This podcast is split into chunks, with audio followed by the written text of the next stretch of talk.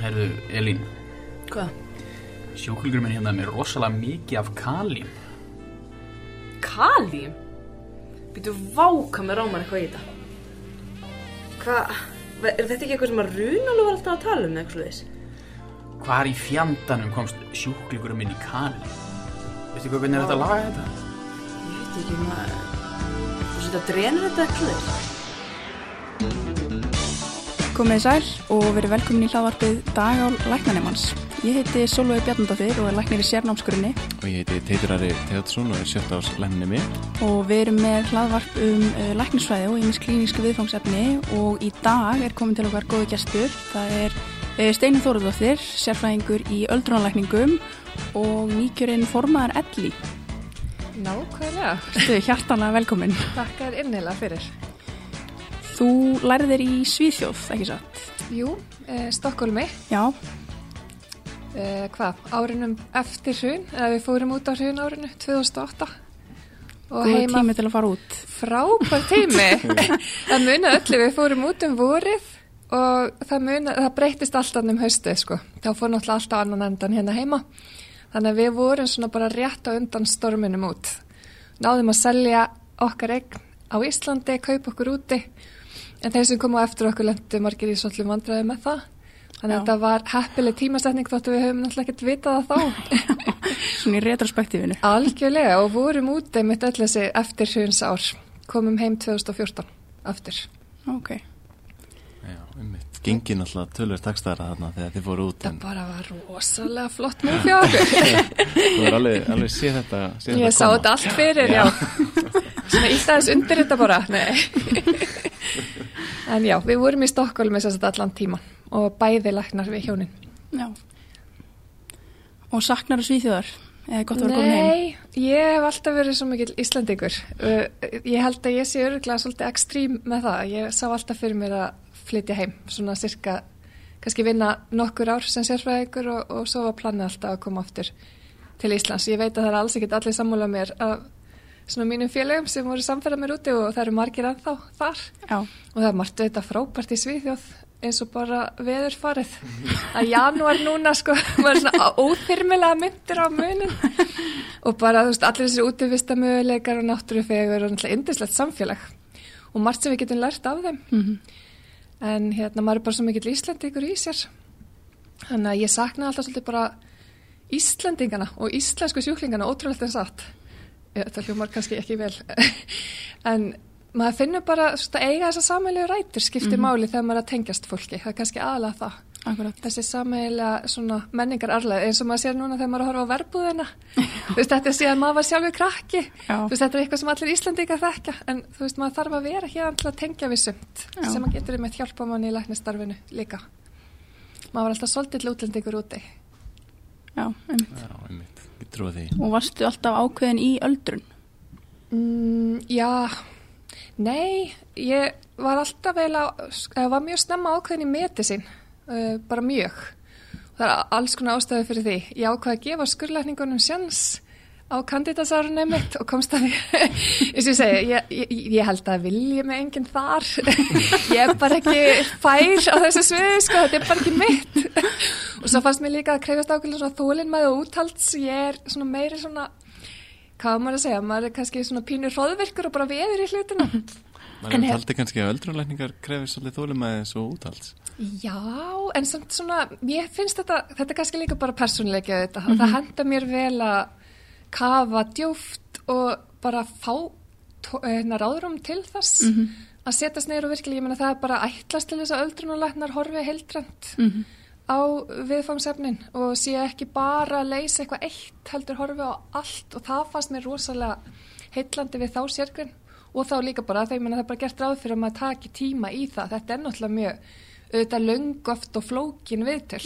En maður getur náð gríðarlegum árangri með því að taka eitt svona áhlaup á bara þessi fjölveikindi og þennan hrumleika sem einstaklingurinn er að glíma við.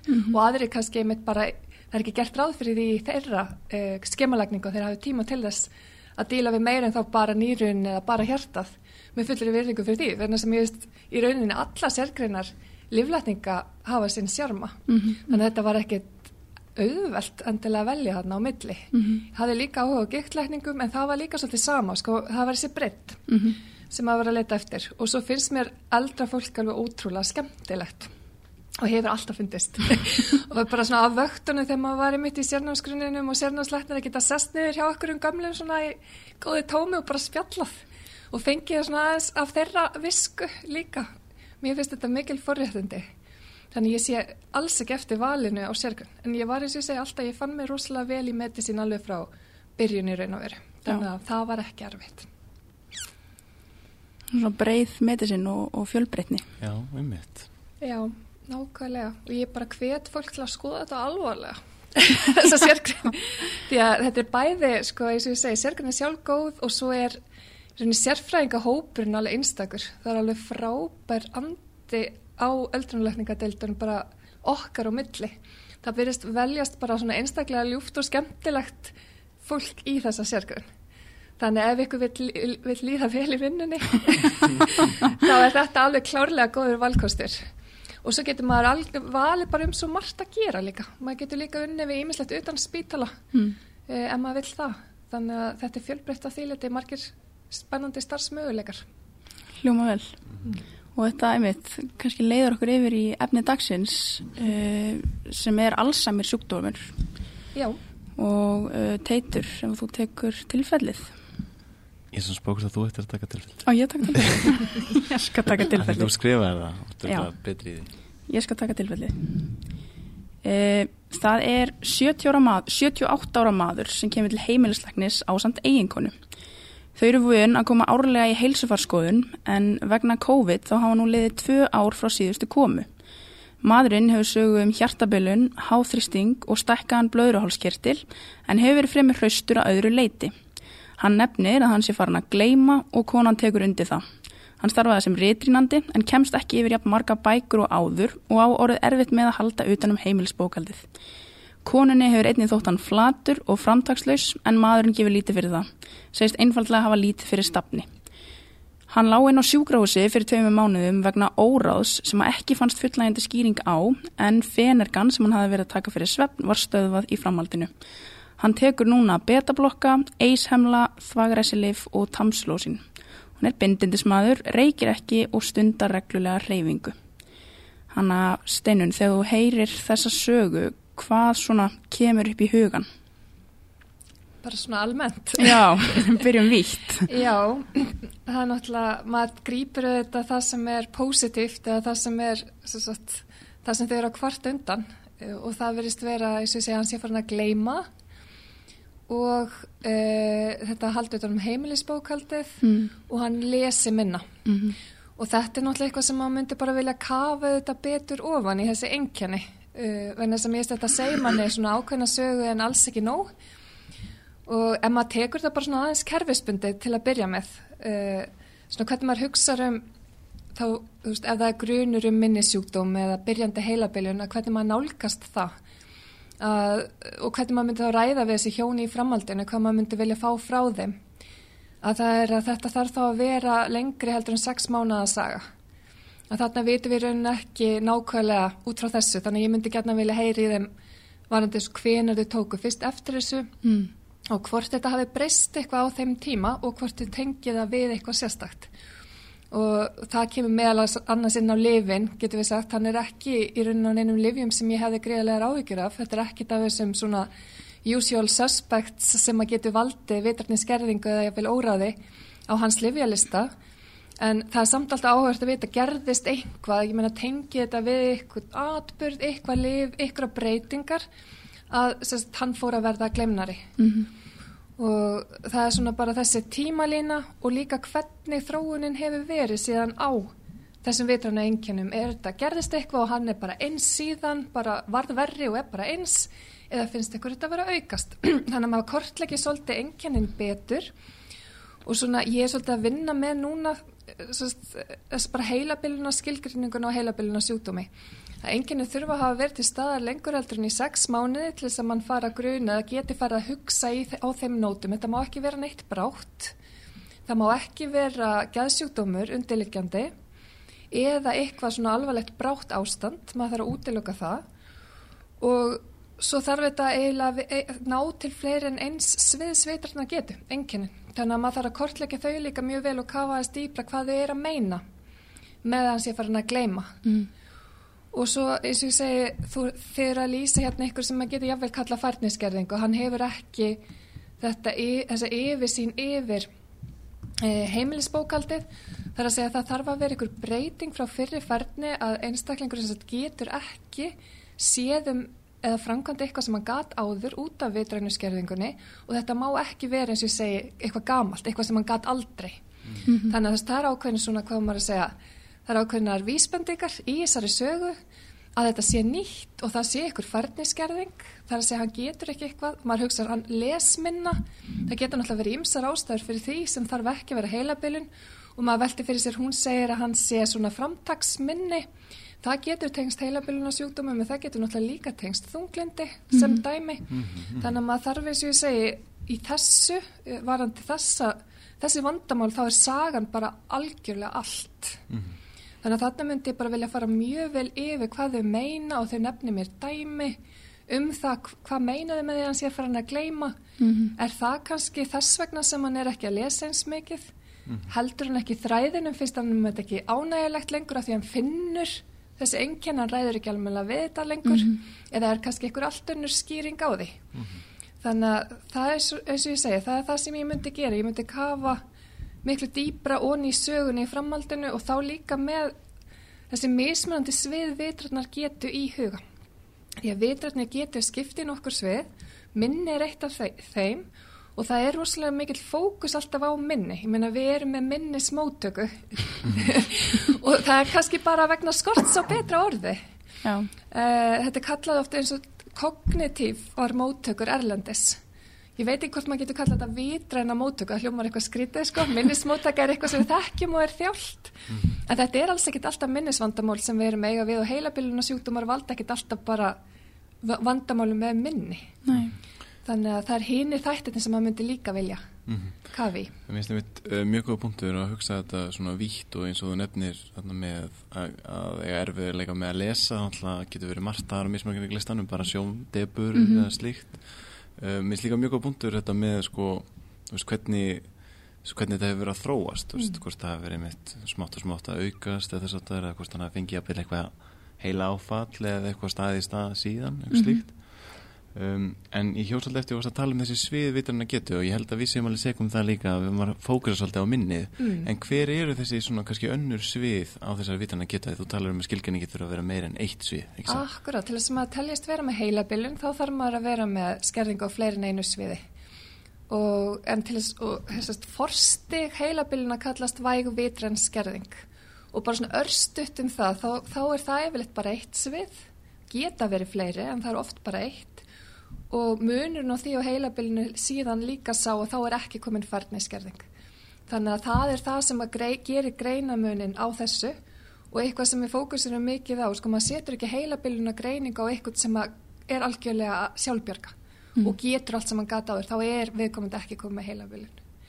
En varðan þessi hérna, sviðvitarna getur, þá er það þessu ég segi minnið, svo er það þessi sem köllum sjónræn úrvinnsla, að það er svona í raunin bara tólka það sem við sjáum, það er rýmdarskinjun og það er einmitt eins og segir, að geta ekki lesið, það getur verið út af sjóndebur en það getur líka bara verið af því að fólk færi svo bara dyslexíu eða eitthvað slikt sem að fylgir svona sjúkdómum stundum.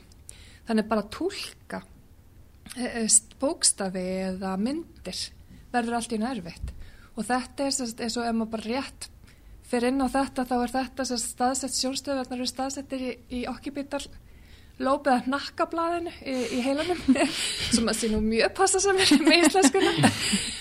Og það getur sko þessi sjúkdóma geta haft áhrif þar og geta jafnvel verið bara þar til að byrja með. Þannig að þá er fólk að ganga á milli auglækna sem sjá aldrei neitt að augunum en þá er það tólkun heilans á þessum sjónræðinu upplýsingum sem er vandamálið. Og þetta tekur oft svolítið langan tíma að greina ef þetta byrjar þar. Mm. og þetta til dæmis getur valdið því að fólk getur ekki kert vegna það getur ekki metið sko á hvað hraða hini bílarnir eru, vegalengdir í næsta bíl og svo framvegs þannig að það getur skapað mikla slísahættu Svo er það stýrifærni eða executive function á ennsku það er svona meira að útfæra svona flóknar aðtapnir, það er svona, svona svolítið eins og skipulagshæfni. Og þegar maður er að spyrja út í fólk út í þetta, þetta er svolítið, fólk veit náttúrulega ekkert hvað er að tala um því, já, er stýrifærnin í lægi hjá þér, ekki hugmynd. En það er til dæmis ef það er erfitt að pakka fyrir ferðalag segjum sérstaklega maður að fara að gera eitthvað fjölbreytilegt og maður heyri stundum fær maður þess að sögum er þess að já, ég bara ég var að fara hérna á skittir í og ég bara gati einhvern veginn ekkert náðu utanum þetta, þú veist, já, hvað hefur verið rigning og hvað hefur verið svona? Og þú veist, maður þarf að taka tillit til alls konar hluta. Og þetta er, þetta er bara dæmum executive function að plana, skipulegja mm. og svo er það talið sumir fá málstól snemma eða eiga erfitt með að tólka það sem þeir heyra. Þannig að svona ekspressíft eða impressíft málstól. Og svo er það persónleika breytingar fólk getur uh, breyst bara á marga veg og það er oft á meira hömluleysi sem að aðstandendur taka eftir. Uh, skortur á samkjönd eða empatíu og ýmislegt slíkt þetta er í framheilanum og svo er það aðtegli og svo er það hugra traði að fólk veri hægt í hugsun og svo geta þessi mismöndi svið verið líka misgóðst svo það er oft sveplur í þessum enginum og það eru vissir heilabilina sjúkdómar sem eru þekkti fyrir að valda því Þannig að þetta voru allan þessi svið. Þannig að þegar maður er að taka sögu eins og á minnismótöku þá þarf maður að fara kerfisbundi í gegnum allt þetta mm -hmm. og spurja út í allt þetta. Og það er ekkit alltaf að fólk átti sig á því að minnast á sumtafis að því að mitt, við erum svo rosalega mikið að innblýna á minnið. Mm -hmm. Sérstaklega þegar við erum mætt að ná minnismótökuna. Akkurat. Þannig að maður veldi fyrir þess koma að veita þeir sem að fá svona ódæmikið reynkenni í upphafi að þeir lenda oft svolítið á svona hvað maður að segja, farið svona auka lúpu í kerfin oft inn jáfnvel til gæðlekna, taugalekna mm -hmm. Áður en þeir fara yfir til okkar þá á minnismóttökuna og er þá búin að fara kannski ímsa uppfinnslu en þess að þetta leiðir ekkit hugan endilega að Alzheimer eða einhverju slíkum sjúkdómum í upphafi. Einmitt. Og þú nefndir þetta líka með liv að, að hann væri nú ekki á einhverjum livum, mm. livjum sem að uh, getur skýrt enginnin Uh, hvaða liv væri það helst sem að þú myndir hafa ágjur af? Sko það er náttúrulega þessi viðfrægu andkólvirku liv sem allir hafa lært um og kunna listan eða ekki? Utan að. En þau eru þetta ákveðin svona sökudólkur í þessu og eitthvað -hmm. sem það þarf alltaf að hafa í huga. En mér finnst bara alltaf minna og minna um þau sem betur fyrr og við eigum náttúrulega forðast þau ef við mögulega getum sérstaklega hjá eldra fólki. Mm -hmm. en svo er það bara liv sem hafa áhrif á miðtöðkerfið yfir höfuð. Þá er maður að horfa á sterk verkjalið eins og opioíða náttúrulega tramól getur verið mjög slemt eða tramadól, kódín mm -hmm. og svo er það flugalif og svo róandilif eða benzodiazepín sem dæmi og þið myndist á fenegan í þessu tilfelli það náttúrulega getur haft slæfandi áhrif mm -hmm. þannig að það er allt þetta sem virkar á meðtöðukerfið og það er yfirleitt slæfandi sem að maður þarf að hafa í huga að getur haft áhrif á vitrana getu og það getur verið varhugavert að setja heilabilunagreininga á eitthvað sem er á miklum eh, stórum skamtum og jáfnveil mörgum tegundum af svona meðtöðakerfis livjum. Uh, já, þannig að þetta er eitthvað sem við förum alltaf í gegnum mm -hmm. og ég byrja jáfnveil á að reyna að trappa út eða breyta livjunum áður heldur en ég klára uppfyrsluna mína, þá er það bara það fyrsta sem ég geri. Mm, okay. mm -hmm. En þú myndist líka á hérna að það er svona ákveðni hlutir allavega í þessu enginamisti sem getur rýma við þunglindi. Já. Og maður getur ímyndið með sér að það sé mikið líka overlapp oft. Þú veist, fólk kannski finnur að geta sín sér skert, skilur, mm. og kannski dagpast yfir því og, og einstilda með sér þunglindi mjög tengt ákveðin hörðunar sjúkdómum eins og hérna Parkinson og, og slíku sjúkdóm. Um, hvernig svona nálgastu þetta svona í klínisku starfi, þú veist, uh, svona mismunargreiningin við þunglindi?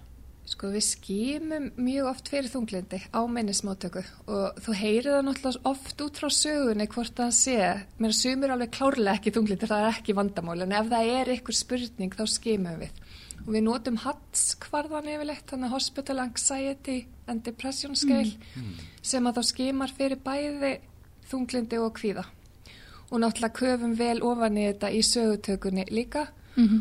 og ef það er sterkur grunur um að þunglindi sé í rauninni með eitthvað alvör hlutverk í enginnamyndinu þá byrja ég stundum líka meðhandla það og fylgi viðkomandi aðeins eftir og sé bara hvernig farnast honum eða henni á þessu lifi mm -hmm. er eitthvað breyting til eins betra er kannski þessi, þessar vitrænu kvartanir minnið að jáfnvel hortnar.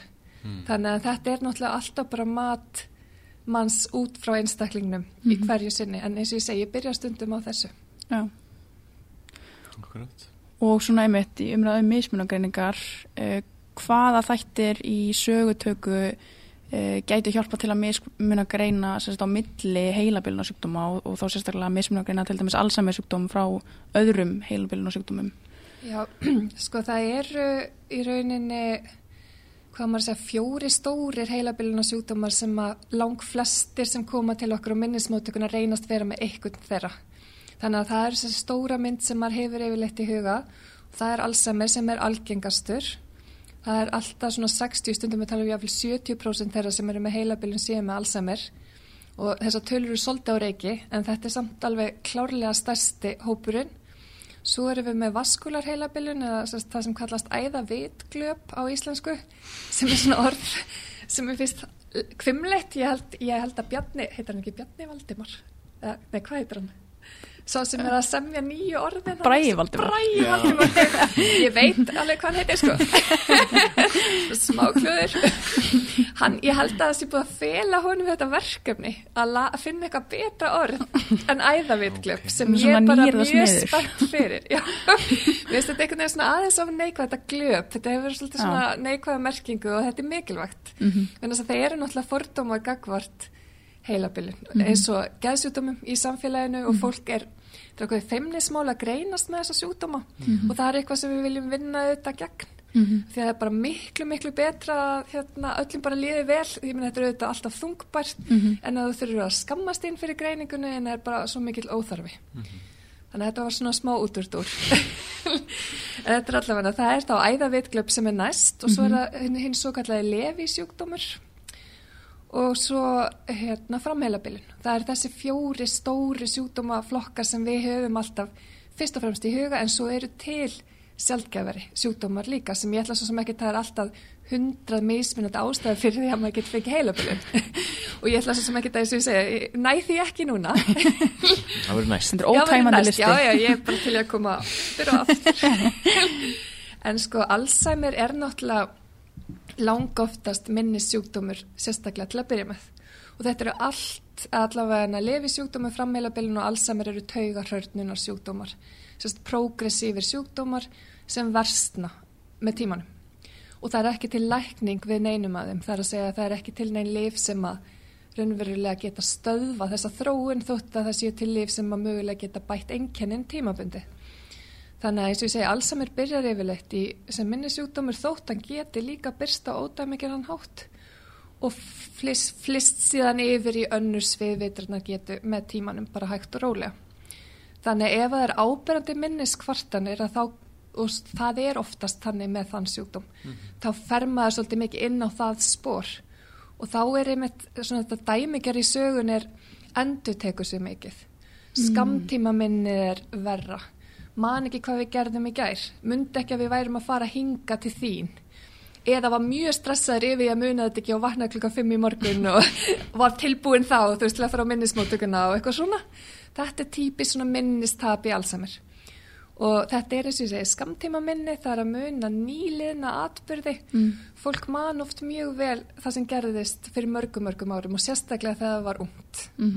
Þannig að til dæmis ef maður vil spjalla við fólk með Alzheimer það getur verið mjög gott að leiða umræðina þanga ef maður vil bara ná góðu sambandi Já. að svona badnaskunni og að því að það sem er í langtíma minninu, sérstaklega það sem kom þanga svona snemma í lífinu, það helst oft mjög lengi.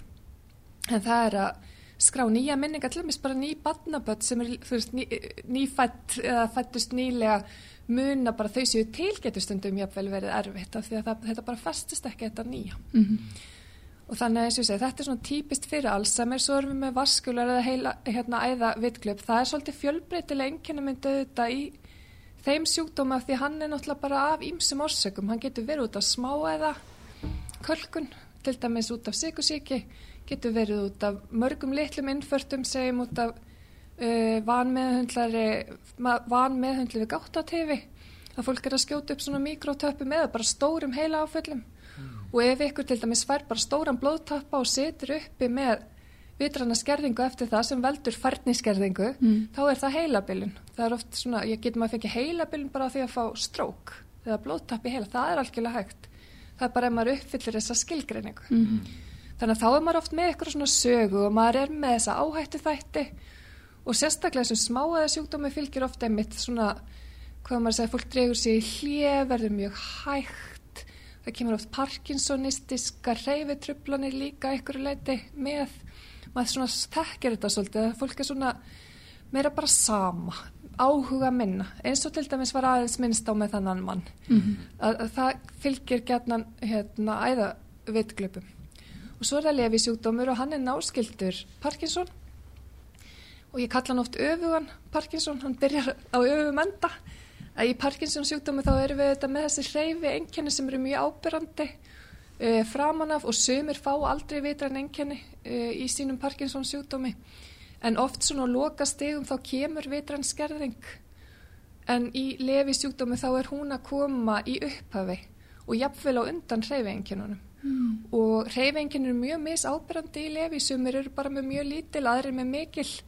En það er þessi tímafaktor sem skiptir máli, hvena kemur vitræna skerðingin til sögunar.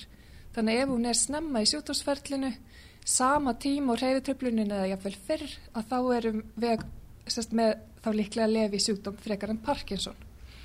Og til þess að uppfylla greiningaskilmerkin fyrir lefi þá þarf maður líka að vera með, þá þarf maður að vera með vitræna skerðingu, Parkinson, enkenni, uh, þessi svo kallar remsvepptröflun er mjög algengi í lefi sjúkdómi, að fólk er sérst fer þá ekki, lamast ekki í draumsvefninum, heldur er að leika drauminn sinn, er að tala, kalla, jáfnvel detta fram á rúminu, lemja makan og svona.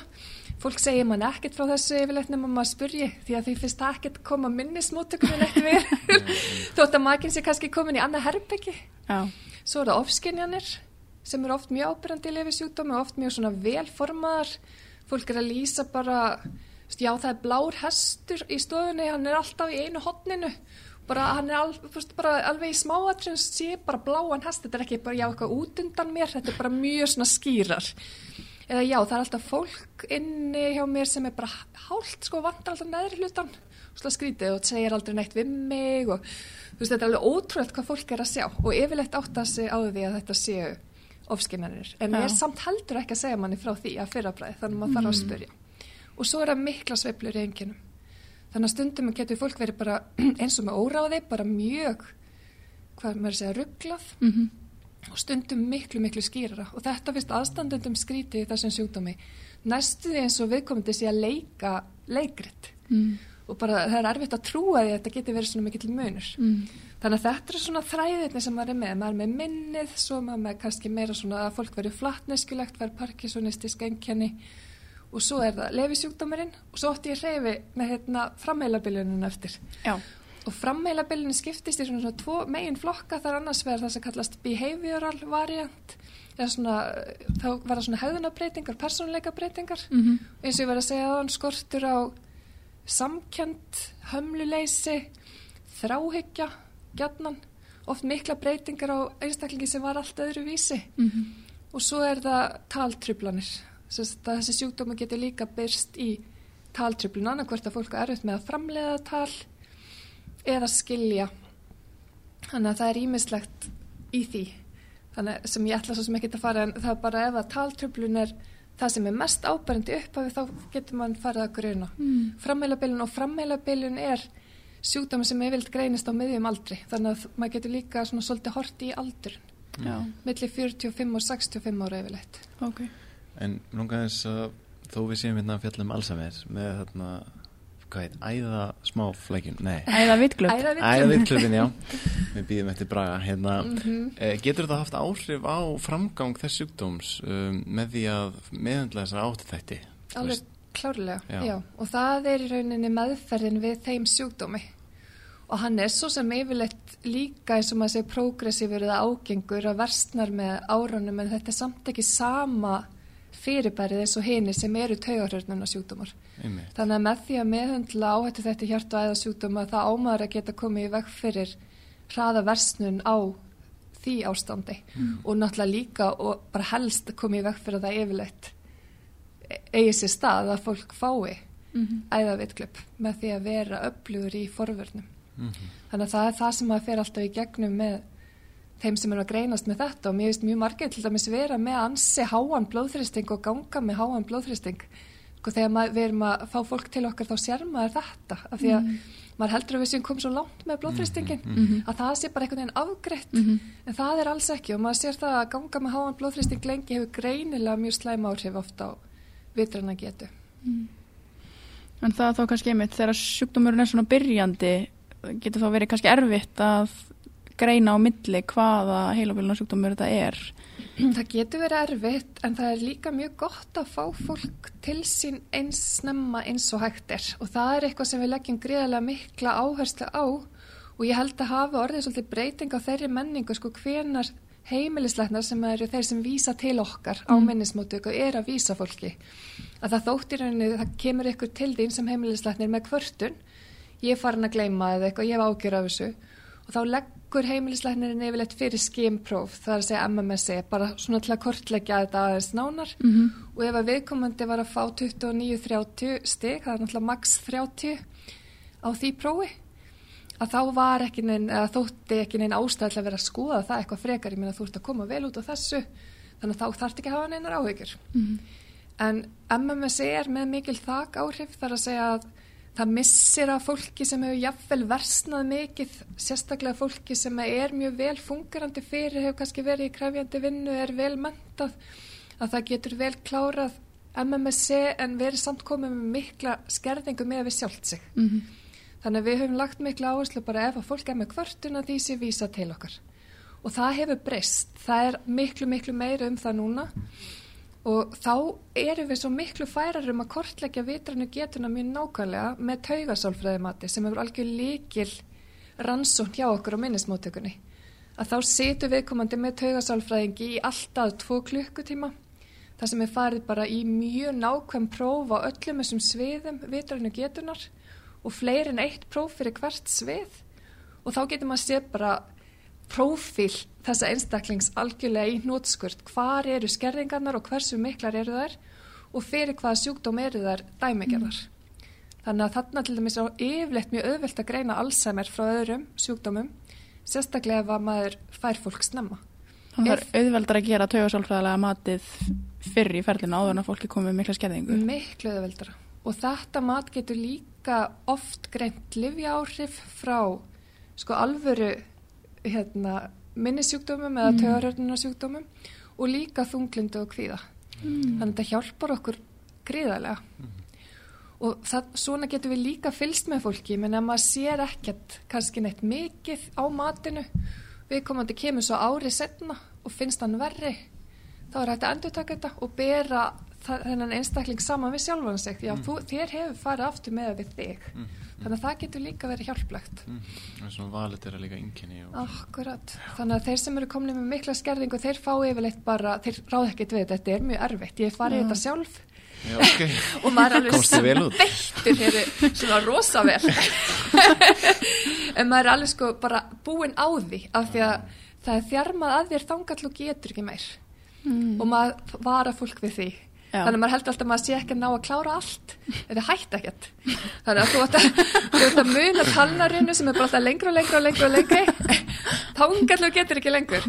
Og svo átti kannski að færi talnarinu langa talnarinu og átti að koma með hana öfugt.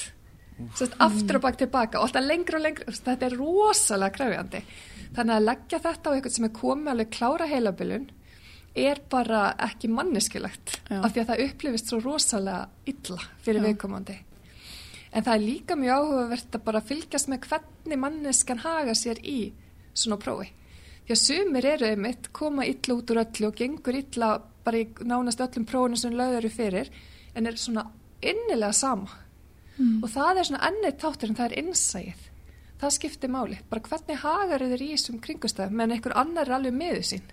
Já, það, það skiptir líka máli upp á greiningu og hvernig maður hugsa um. Já. Og, og hvaða aðra, hvað aðri þættir eru þetta í greiningu sem að þið notið? Við notum, sko, það sem er í svona grunninn í greiningunni og er alltaf gert að það er myndgreining af heila og það eru ítalega blóðpröfur. Þú vilt ekki missa af til dæmis hyperkalsemíu sem að þá kannski bara var vandamáli allan tíman Mhm. eða skjaldkirtilströflun eða eitthvað slikt. Maður vil vera alveg viss um það að það sé ekkit annað sem er að valda einkennunum og þú sért að fara að greina eitthvað með Alzheimer sem er kannski bara með vanstar og skjaldkirtli, sko. Þannig að það er eitthvað sem allir fari í Mhm.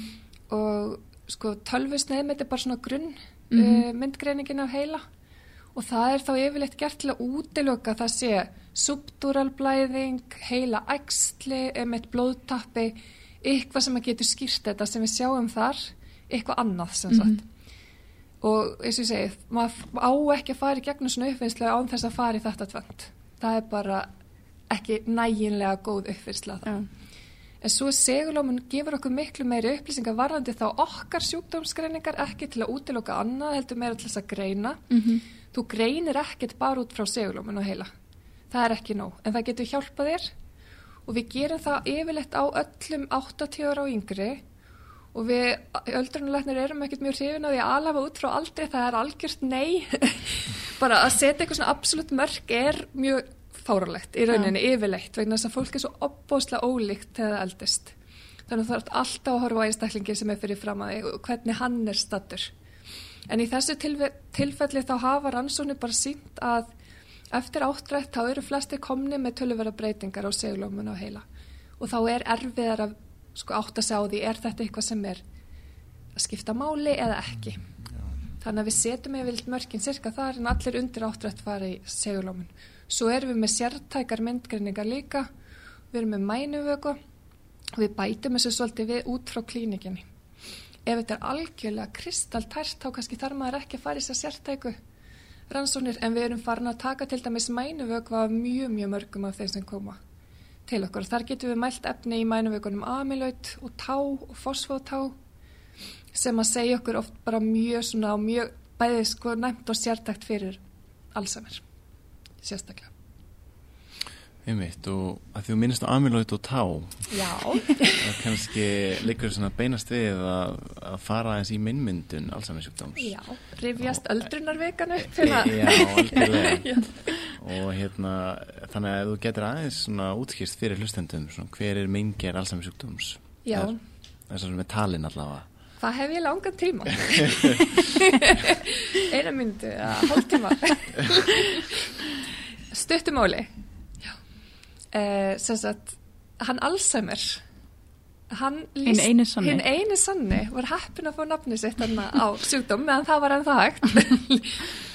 hann sem sagt uh, krufði fyrsta sjúklingin með svona klíniska lýsingu á Alzheimer sjúkdómi sem var sem sagt rúmlega 50 kona sem að lág inn á gæðsjúkrahúsi og var þá með snemkomin Alzheimer sjúkdóm kemur í ljós og hann sérst lýsir hennar einkennum í gegnum hennar sjúkdómsgang og svo krefur hann konuna, þetta er ótrúlega merkilegt hvernig læknar unni á þessum tíma Mhm. væri að bæði sérst gæðlæknarinn hennar og svo meinafræðingurinn og hann skoðaði heilan í smásjá og sá þá þetta sem við þekkjum í dag sem amyloid skellir og taugatrefja flækjur. Það er þetta tvent sem er svona, hvað maður að segja, vanta gott orði yfir hólmark, eitthvað svona sem er algjörlega einkennandi fyrir alls sem er sjúkdóm svona vefja meinafræðilega.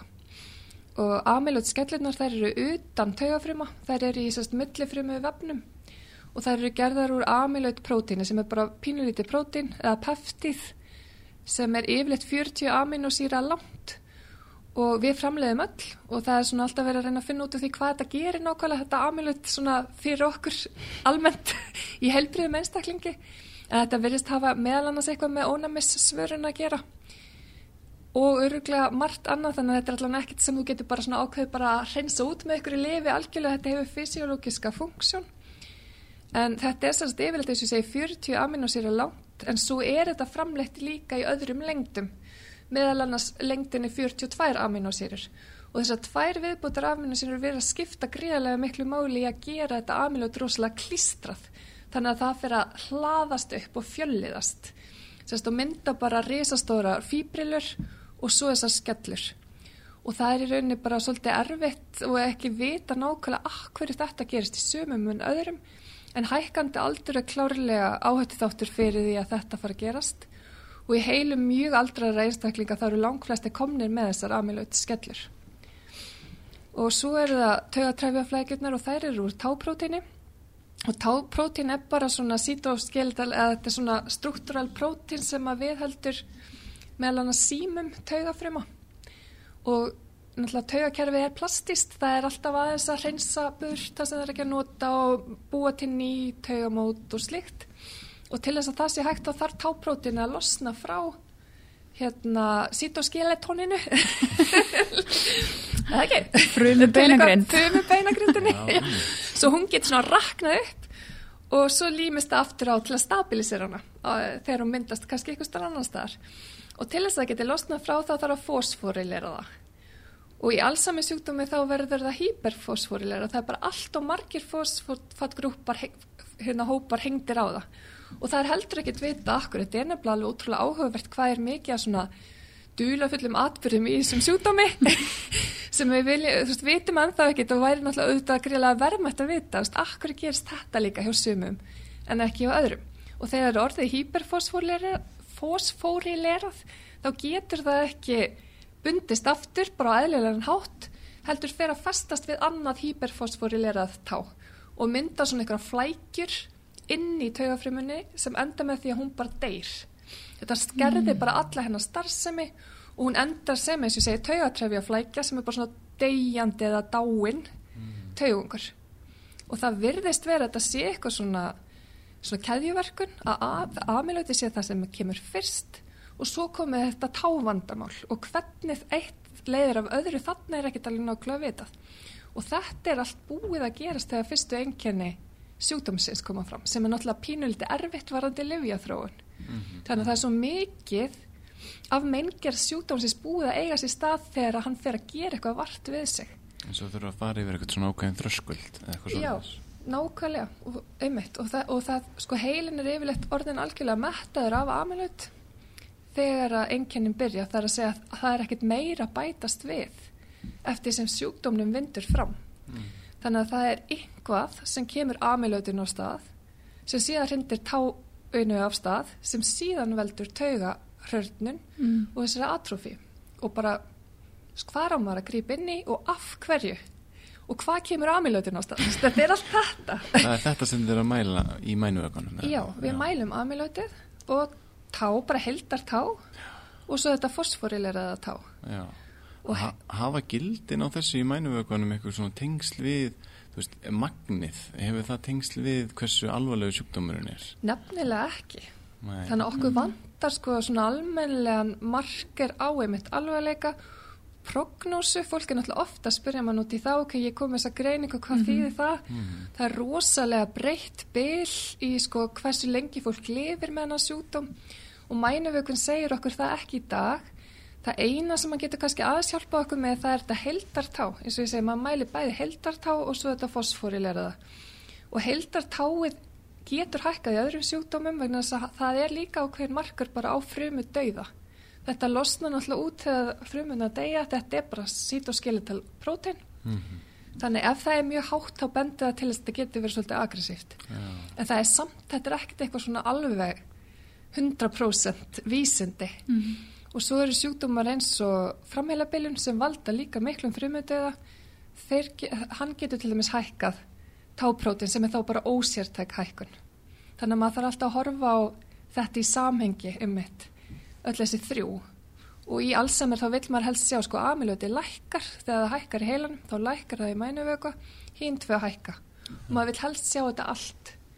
Þannig ef maður sér til dæmis bara lækkað amilöti en hitt er eðlilegt, þá hugsa maður er þetta öruglega klíniskur Alzheimer þú veist, mm. táið er, það, það þarf líka vera að fara að verða vandamál mm. áður en engjörnum koma fram Þannig þetta er kannski eitthvað sjúkdómi sem er í þróun Já, akkurat, eitthvað að vera Já, og það leiður okkur kannski yfir í meðferðina Já. Uh, Getur við farið með okkur yfir það hvaða lif og hvaða meðferður maður beita gegn sjúkdómi í dag á Íslandi Já, Uh, það sem er á markaði í dag við allsami sjúkdómi er í raun bara einnkjöna meðferð eins og ég myndist á áðan. Uh, þetta eru líf sem að hafa tímabundin áhrif á einnkjöni. Það er svolítið hérna, einstaklingsbundið hvernig fólk bregst við þeim. Það er stundum talað um að það sé svona cirka eitt þriði sem að klárlega finnur eitthvað mun á sér til eins betra. Eitt þriði er svona kannski frekar stöðugur, ekki allavega versnandi og svo er eitt þriði sem finnur enga mun. Þetta er náttúrulega svolítið gróft en þetta er allavega ekkert svona starri áhrif heldur, heldur en það og þetta eins og ég segi þetta lengir ekki, þessi lif lengi ekki líf en þau viðhalda sjálfsbjörgar getu að ykkur leiti þannig að þeir sem fá þessi lif þeir eru til dæmis lengur heima í, á eigin heimili. Þannig að það er alveg þess virði. Og eins og ég segi fyrir suma er þetta klárlega til bóta og þú getur hérna ekkert vita þannig að bara prófa lifið áviðkomandi það er ekkert sem þú getur mælt til þess að já, þessi mun öruglega svara vel og, og þessi ekki. Mm. þannig að eina leginn til að komast að því er bara að prófa. Og aða livjaflokkurinn sem er sérst, á markaði og búin að vera frá cirka 2000 er acetilkólin esterasa hemlar og það er sérst vita að acetilkólin styrkur þess mingar hérna, acetilkólin framlegandi frumur degi oft frekar snemma eða það verður svona frumu döði meðal þeirra snemma í allsami sjúkdómi þannig að þetta, þeir eru náttúrulega bara eins og nafni gefið til kynna hamla niðurbróti á acetilkólin og auka þar að leiðandi frambóðið á því sem að verðist á hafa styrkjandi áhrif á minni. Þetta er náttúrulega búðarni sem virka meðal annars þannig. Mm -hmm. Þannig að þetta er svona eins og ég segi, þetta er lifi sem að setur alltaf inn og það er ábending, sest, þetta lif hefur ábendingu fyrir vægan til meðalsvæsin, eða sest, væga til meðalsvæsna heila bílun af völdum allsami sjúdóms. Mm -hmm.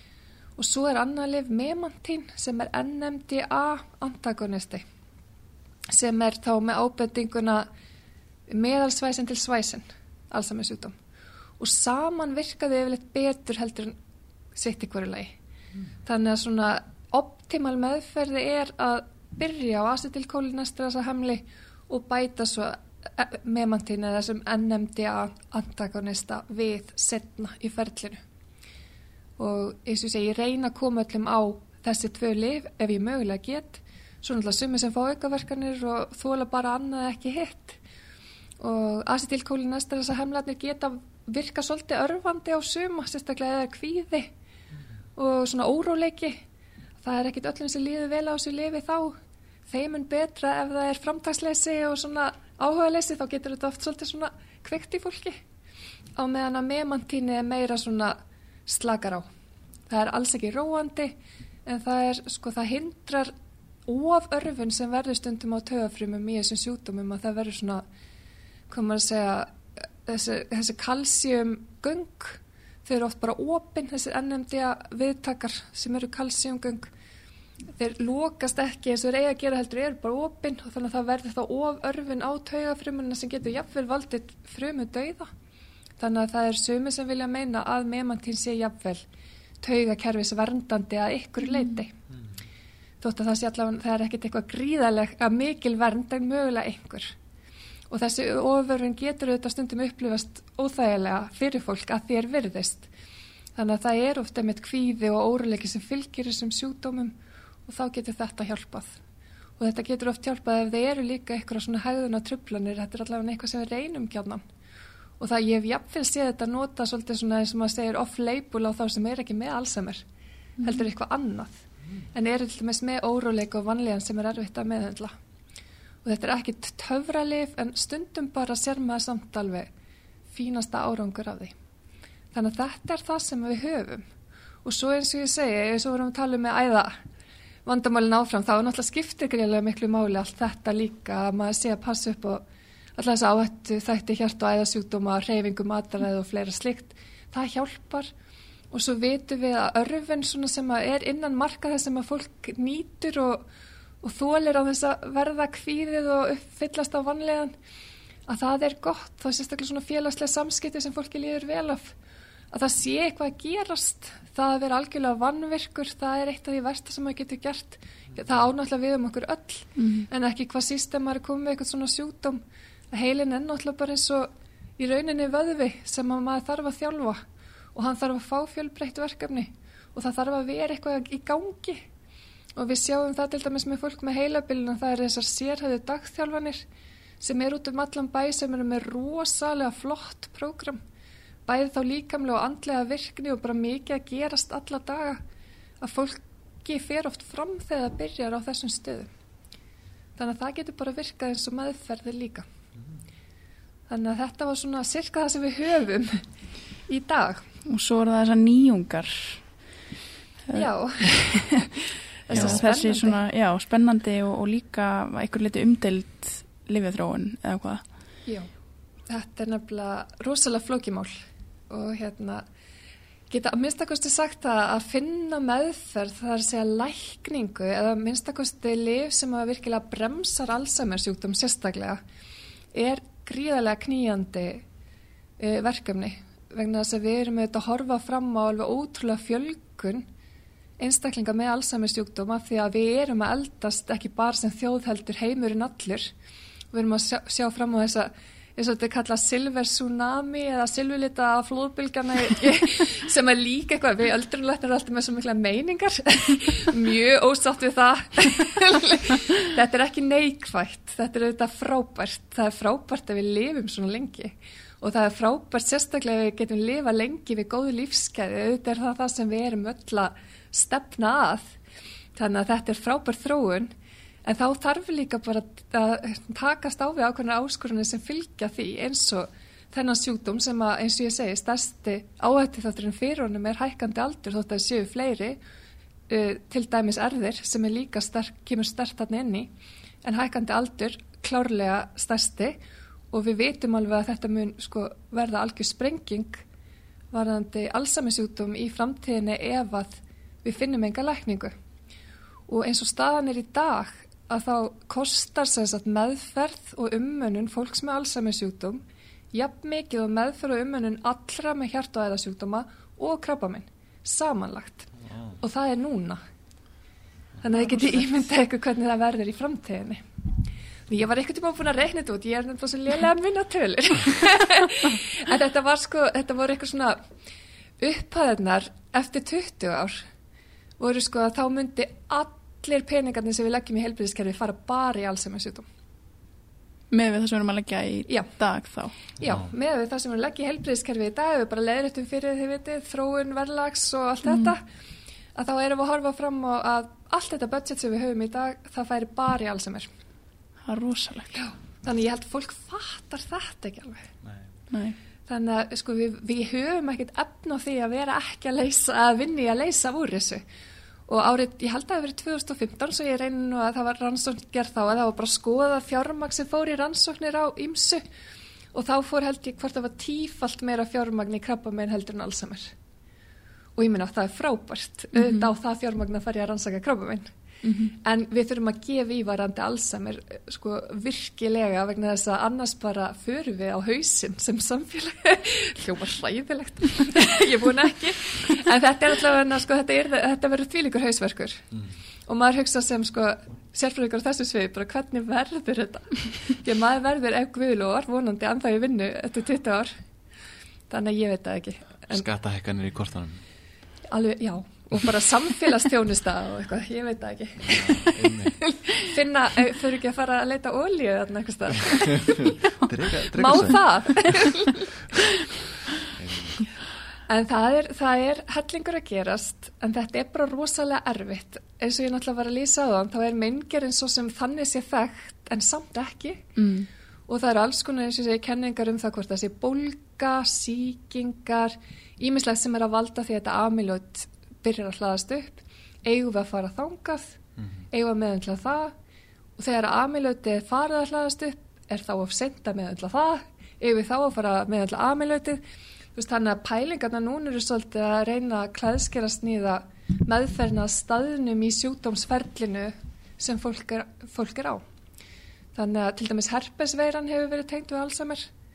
Þú veist, geti, ef maður er inni eitthvað meira á henni, myndi það draga úr, eða skiljið hvað við. Þannig að þetta er svona mikla pælingar um það hvar í keðjunni við eigum að grípa inn í. Amilauti er náttúrulega svolítið samnefnarinn, samt, og verist vera svona sameinlega upphafið, þótt að þessi ímislega sem kalli það fram að þá endar veginn alltaf í svo amilauti Mm. sem fer síðan í táið. Þannig að þau lif sem eru lengst komin í þróun í dag eru anti-amyloid lif, sem sagt, í rauninni líftækni lif, mótefni sem að bindast amilötu og valda því að ónæmiskerfi hreinsar það út.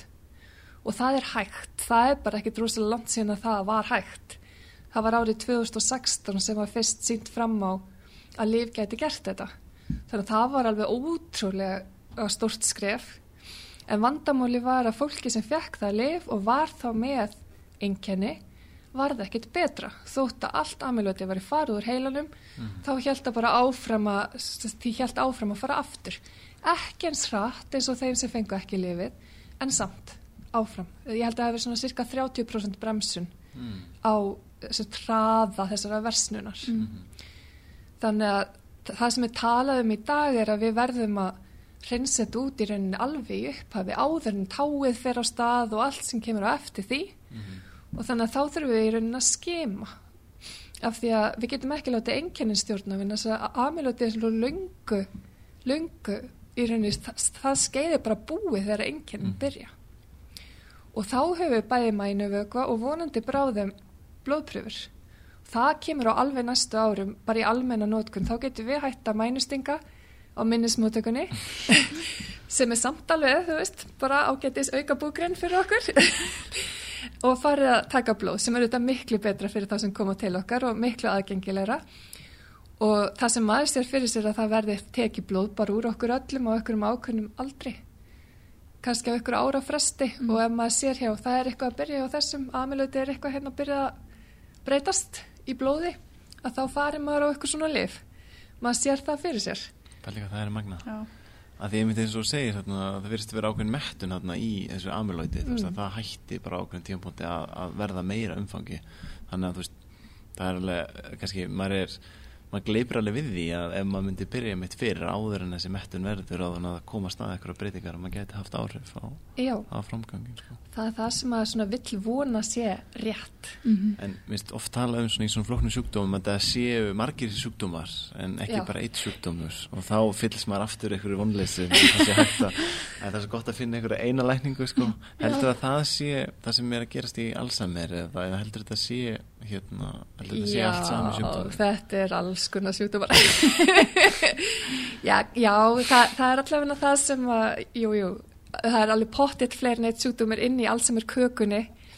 Lefi sjúkdómar var í henni mm. þanga til bara einmitt síðustu aldamót cirka sko, þá allt í henni fólk er þetta er bara eitthvað allt annað og þetta er út af alfa-sinúklín allt öðru prótíni þannig að þá datt hann þarna út alveg stór bútur og svo var mjög nýlega líst sjúkdómi sem kallast leit sem er eitthvað limfik encefalopati TTP 43 rosalega góð í þessu sko. Alveg með þetta. Uh, ég held að ég sé að segja rétt það er sérst próti sem heitir TTP 43 sem hlaðist upp mm. í þeim sjúkdómi. Þetta er sjúkdómi sem einmitt er stittur leit, skamstöfunin leit og það ábara ágætlega við vegna að þetta er rauninni sjúkdómi sem að byrjar yfirleitt setna á æfina en allsamir eldri en áttrætt og byrtist á mjög svipaðan hátt sem minnisvandamál en gengur miklu hægar fyrir sig.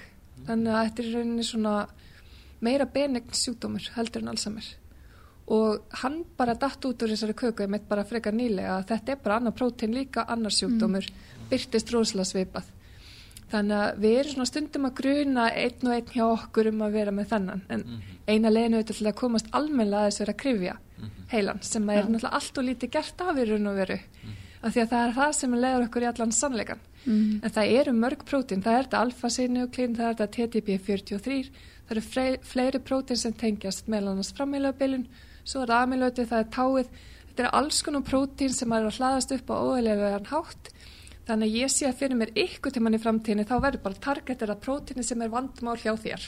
Já. Þá fer maður bara ykkur á blóðpröfu og fer bara brrts, já það er TTP 43 hjá þér, þá fer þú þetta mótefni. En þetta er náttúrulega svakalega sæfæg finnst manni núna. en kannski verður þetta bara alveg eðlilegt ykkur til mann. En þetta er svona, auðvitað er þetta fyrst og fremst bara hvaða prótín og patja er þetta. Ekki er þetta alls sem er þetta lefi heldur miklu frekar bara að hverja orsökin, að hverja eigu að ráðast. Já, en svo hefur líka verið svolítið fjæðrafók í kringum þessi einstofna mótefni eða ekki út í bandaríkinum sérstaklega? Jú, þetta var sérstaklega fyrsta svona mótefni er komið á markað. Það er sérstaklega læknar í bandaríkinum geta skrifað þetta út. Og þetta er á svona bráðabyrða leifi í eitt ár fór á markað í síðastlið sumar. Þannig að núna næsta sumar verður komin ársreynsla. Og það var þá með þeim formerkjum að lifjafyrirtæki myndi halda áfram að gera rannsóknir á lifinu á meðan á þessum tíma stæði. Mm.